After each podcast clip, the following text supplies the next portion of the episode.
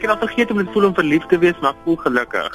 Gelukkig het jy 'n groot liefde vir kos en dis waaroor ek en jy vandag gaan gesels. Fynproewerskos, wat presies is dit want ek wil graag weet wat skei dit van die res Kyk, ek is nie altyd 'n groot voorstander van van woorde wat mense angstig maak. Dis 'n fynproewerskos, die sogenaamde fine dining. Beteken maar net dis iemand wat jou gewoonlik met groot woorde probeer bederf en klein porsies meeste van die keer op die bord sit. Maar daar is ook natuurlik die uitsondering van die fynproeversrestaurante wat jou voete onder die weg slaan met vreemde smake en teksture. Maar alles gaan gewoonlik ook oor 'n oor 'n 360 grade in ervaring. Dit van die diens tot die wyn tot die spyskaart tot die musiek. Dit is gewoonlik 'n hele okasie, nie noodwendig net 'n ete nie. So ek sou sekerlik sê dat dit baie anders is as om by 'n kettingrestaurant te gaan sit en dan is daar altyd 'n paar reëls wat gepaard gaan hiermee. Kan jy ons gou net vermaak daarmee?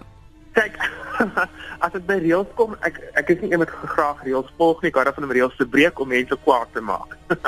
maar as jy by 'n fynproewe restaurant eet, is verseker baie belangrik om altyd 'n goeie voetjie te los vir die kelner. Begin altyd by die kelner. Ek het self gewerk in 'n fynproewe restaurant waar ek weet hoe dit agter die skerms lyk. Die arme kelners en die kombuis bly gedurig met mekaar en een van twee partye hou van mekaar nie. So kyk mooi na die kelner want ek was een van die mense wat lelik was met hulle. En as dit dan nou kom by die mes en die vurk want daar's altyd meer as een. ek sê dit maak my vreeslik weer mekaar. Ek, ek sê altyd vir mense moenie omgee wat die wat rondom jou gebeur nie. Jy is daar, jy is in beheer daarvan, jy betaal daarvoor. So jy dit geniet is jou ervaring. Maar volgens die tradisie en die reëlboeke beteken dit begin van buite af eet na binne toe met die messe en virke. Maar as jy gelukkig is om jou hoofgereg met jou nagereg lepel te eet, wie is daar om van te wys jy op die einde een die rekening gaan betaal. Doen dit as jy gelukkig is. En is dit dan ook nodig om die servet op die skoot te plaas? O, absoluut, absoluut. Dit is 'n reël wat volg deur alles in die lewe. Maak nie saak of jy nou by 'n doodgewone kettingrestaurant in my huis by 'n fynproewe restaurant eet nie.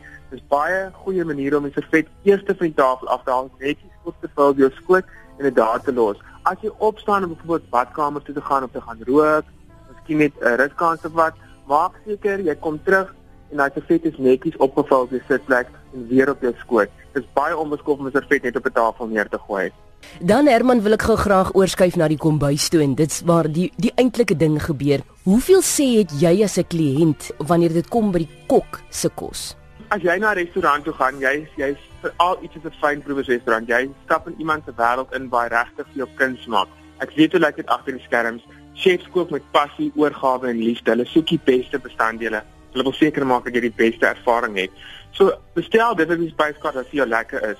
Dit's net so onaangenaam vir enige persoon in 'n kombuis. 'n kliënt wat begin, ek wil asseblief die voorgereg hê, maar die helfte van die hoofgereg daarbey, moet asseblief die sous bysit en haal asseblief die prons uit, ek soek eerder sampioene. Dit is 'n onaangename ervaring vir die kombuis en jy stap in 'n plek in waar jy iemand se kuns gaan waardeer. As die restaurant doen doen vir die tyd navorsing, wel hulle vra vir die spyskaart, kyk of dit is iets waarvan jy hou. Maar moenie in 'n restaurant instap en onmiddellik verwag jy sê om alles te kan verander nie.